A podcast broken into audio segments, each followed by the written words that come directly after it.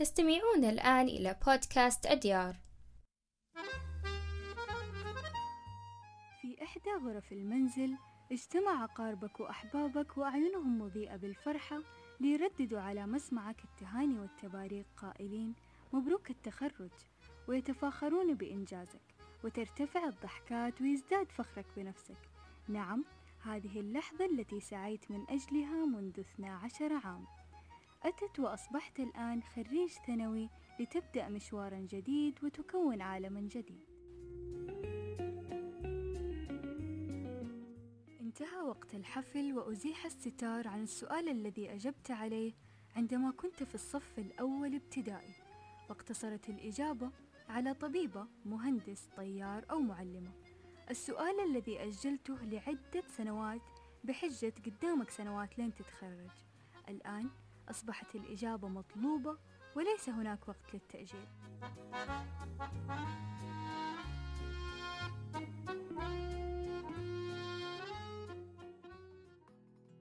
ما التخصص الجامعي الذي ستختاره؟ حينما يزورك هذا السؤال في ذهنك ويردد عليك كل من حولك ستشعر أنك في ورطة ما نوع الأسئلة التي كنت تختار جوابها سابقا؟ لون لبسك؟ نوع القهوة؟ ولا مكان الطلعة؟ فيلم ولا مسلسل؟ هذه المرحلة التي ستقوم فيها بخياطة جناحك تذكر جناحك سر نجاحك لم نعتد في السابق أن نخوض ونقرر القرارات المصيرية لكن الآن لابد من اتخاذ القرار القرار الذي ستبني عليه كل ما تبقى من عمرك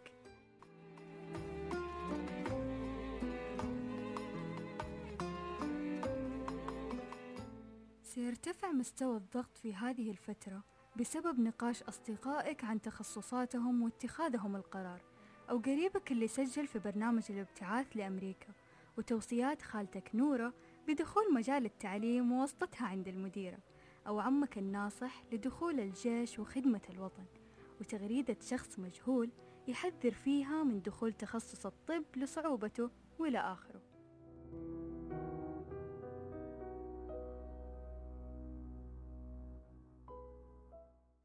كل هذا الضغط سيجلب الخوف والتجمد الفكري فهناك من يخاف لدرجة أن يترك هذا القرار ويحتار فلا يختار وهناك من يخاف الندم أو من يسمع الناس قائلين هذا التخصص ما له مستقبل سيصاب الدماغ بشلل فكري وتذكر كمان أنه العقل الخائف لا يفكر.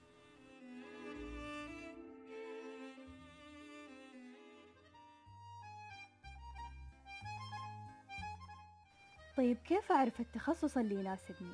أول إجابة راح تسمعها اتبع شغفك لكن هذه الإجابة تحتوي على شيء من الخطأ تخيل معايا لو شخص يحب الكتابة وماهر في برمجة الحاسب وكل من حوله أشاروا له بأن يتبع شغفه وقدم على موضوع الكتابة وترك البرمجة حتى نسيها ودخل عالم الكتابة إلى أن وصل فترة انطفى فيها هذا الشغف فقلت إنتاجيته وبدأ يتحسر على هذا القرار لكن الوقت لن يعود. وقتها سيقوم بلوم المجتمع على جملة اتبع شغفك. هنا سنوضح مفهومنا الخاطئ عن الشغف. تذكر الشغف شيء يتبعك ولا تتبعه. الحل الصحيح حيكون في هذا المثال. تخصصت سارة في الطب والآن قررت أن تتخصص في عالم الجراحة. كانت سارة شغوفة بالرسم. طيب إيش علاقة الجراحة بالرسم؟ أول عملية حضرتها سارة أصابتها الدهشة من منظر الأعضاء وأشكالها وألوانها حتى أصابها الشغف وبدأت تتعلم وتدرس تخصصها بكل حب هنا سارة طبقت أمرين الأول دمجت بين ما تحب وبين تخصصها الثاني لم تجعل الشغف يتحكم فيها وإنما تبعها وحتى لو بيوم انطفى شغفها ستجده في مكان آخر. يعني حاول عندما تختار تخصصك تتحكم بشغفك وتقوده إلى أن يصيبك في عملك وتزيد إنتاجيتك. ثاني إجابة سوق العمل يا ولدي مهم. كثير من الكلمات ستصب فوق رأسك عن أهمية سوق العمل ومتطلباته لكن هذه الإجابة برضو أحيانا تكون خاطئة. مع أنه الأغلب يمشي على هذا المبدأ إلا أنه غير صحيح. سوق العمل غير ثابت وتختلف متطلباته كل سنة فالتخصص اللي كان مطلوب قبل خمس سنوات أصبح الآن معدوم. وتذكر سوق العمل نفس الأسهم وإنت عليك تتعلم فين ترمي سهمك وكيف تستثمر. وغير مبدأ أهمية سوق العمل إلى أنا أضيف لسوق العمل وليس سوق العمل يضيف لي. والكثير الكثير من الإجابات التي ستسمعها في هذه الفترة. لكن ركز عزيزي صاحب الكعكة كل هذه الإجابات يجب أن لا تؤثر فيك ولا على قراراتك سلبا. تعلم منها وطور نفسك عنها لكن لا تخلي كلام شياب الاستراحة المتقاعدين يغير مستقبلك ولا جماعة الجيران تغير فكرتك وإنك لازم تتزوجي وتصيري سنعة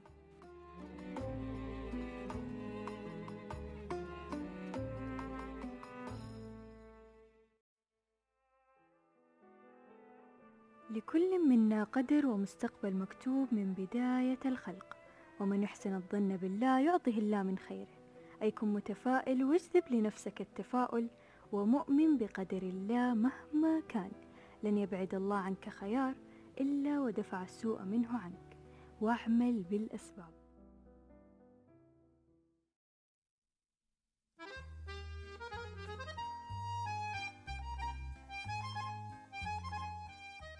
خلينا نرجع لسؤالنا. إيش التخصص اللي يناسبني؟ كي تعرف الإجابة عليك بعصر دماغك كثيرا وتجميع هواياتك والاستعانة بذوي الخبرة. اسأل نفسك ما هو العمل الذي إذا قمت به ستنسى نفسك وتنغمس فيه حتى لا تشعر بالوقت وتمر الساعات كالثواني فيه؟ عندما تجد الإجابة على هذه الأسئلة دونها على ورقة كي تحصل على ربع من كعكتك إذا كنت مزدوج الأعمال يعني تحب شغلتين في نفس الوقت. هذه ليست مشكلة على الإطلاق وإنما على العكس. فمن الممكن أن تكون هذه بداية اكتشافك لتخصص جديد تجمع فيه أمرين. والآن اسأل نفسك السؤال الذي سيعطيك نصف الكعكة. هل اهتماماتي في عمر 18 سنة حتكون نفس اهتماماتي في عمر 30؟ أنا أجد أن هذا النوع من القرارات ظالم بعض الشيء. لأن الإنسان بطبيعته متغير واهتماماته في سن المراهقة تختلف عن اهتماماته في سن الوظيفة. ارجع بذاكرتك للوراء لما كان أكبر همك ما تفوت حلقة من مسلسل أو إنك تشتري إصدار جديد من لعبة. هل هي نفسها اهتماماتك الآن؟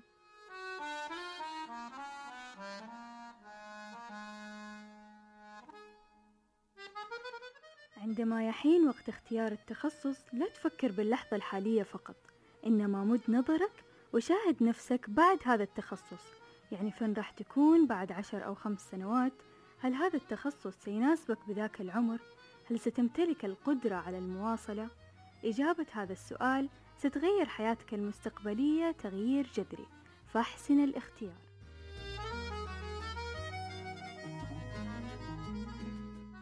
والآن مع تكريم الدكتور المهندس الطيار. نعم للأسف مجتمعنا اقتصر النجاح في هذه التخصصات فقط. منذ دخولي للصف الثاني ثانوي عندما رأيت ورقة اختيار المسار علمي أو أدبي وسمعت سخرية طالبات العلمي من طالبات الأدبي ووصفهم بالفاشلات وبلا مستقبل. أعتذر إن كنت في يوم قللت من قيمة أي شخص التحق بالمسار الأدبي. الإبداع موجود في كل مكان. والشاطر اللي يعرف يختار مسار إبداعه سواء طبيب ولا طبيبة ولا محاضرة بالجامعة ولا تخصص تسويق أو أيا كان. من يجتهد في مساره وتخصصه يربح. لكن زي ما نعرف هذه عادات المجتمع. فإن تخصصت في الإدارة المالية سيقول المجتمع نهايتك تغرق بالفواتير والحسابات. وإن تخصصت في التسويق حيقولوا نهايتك مندوب مبيعات. وإن تخصصت في علم النفس نهايتك مرشدة طلابية كل هذه العبارات والأحكام أطلقها المجتمع مما جعل الشباب والشابات محتارين بين التخصصات اللي تفوق قدراتهم وإن دخلوها لن ينجوا بشكل سليم. لذلك عليك أن تفكر بإيجابية.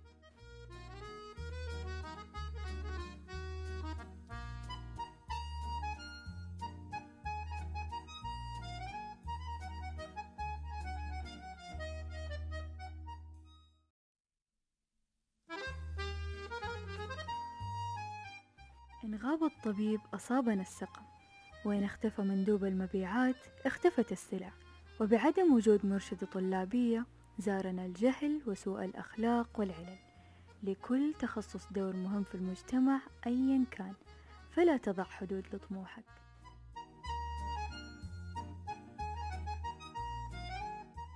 الآن سأروي لك قصة وانت استخرج الفائدة. قبل ما يقارب الخمس سنوات كان تخصص الطيران محصور على فئة الذكور فقط لكن كان هناك مجموعة من الإناث يميلون إلى هذا التخصص فقاموا بدراسته خارج المملكة العربية السعودية ومرت سنين الدراسة والنجاح والآن حان وقت العودة للوطن والبحث عن وظيفة لكن لم تكن هذه الوظيفة حين ذاك متاحة للإناث وعدت سنين البطالة والبحث عن أي وظيفة أخرى لكسب المال والمقدرة على العيش. وفي يوم أصدر قرار أن التخصص أصبح متاح للفئتين يعني اللي درست خارج الوطن وعانت من البطالة لسنوات أصبحت الآن قائدة الطائرة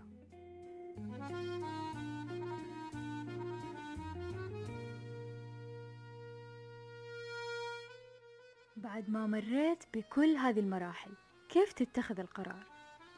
ميز بين القرارات الصغيرة والكبيرة حدد الهدف الذي تطمح في الوصول إليه. اجمع المعلومات والعوامل التي تؤثر على قرارك. اكتب قائمة بالخيارات المتاحة واحذف الغير متاح كي لا تتشتت.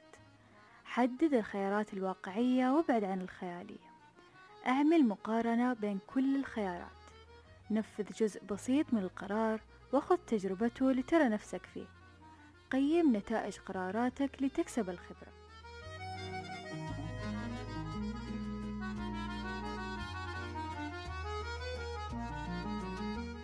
إيش المهام اللي عليك أن تقوم بها لتكسب الخبرة؟ قم بصقل مهاراتك. خالط الخريجين من قبلك. شوف مين الناس اللي تتابعهم على السوشيال ميديا. توظف خذ التجربة وتذكر اسأل مجرب ولا تسأل طبيب. انتج أفكارك الخاصة. اقرأ كتب ومقالات.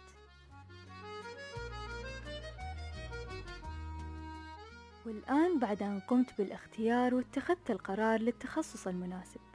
السؤال هل تخصصك اليوم وظيفتك بكرة؟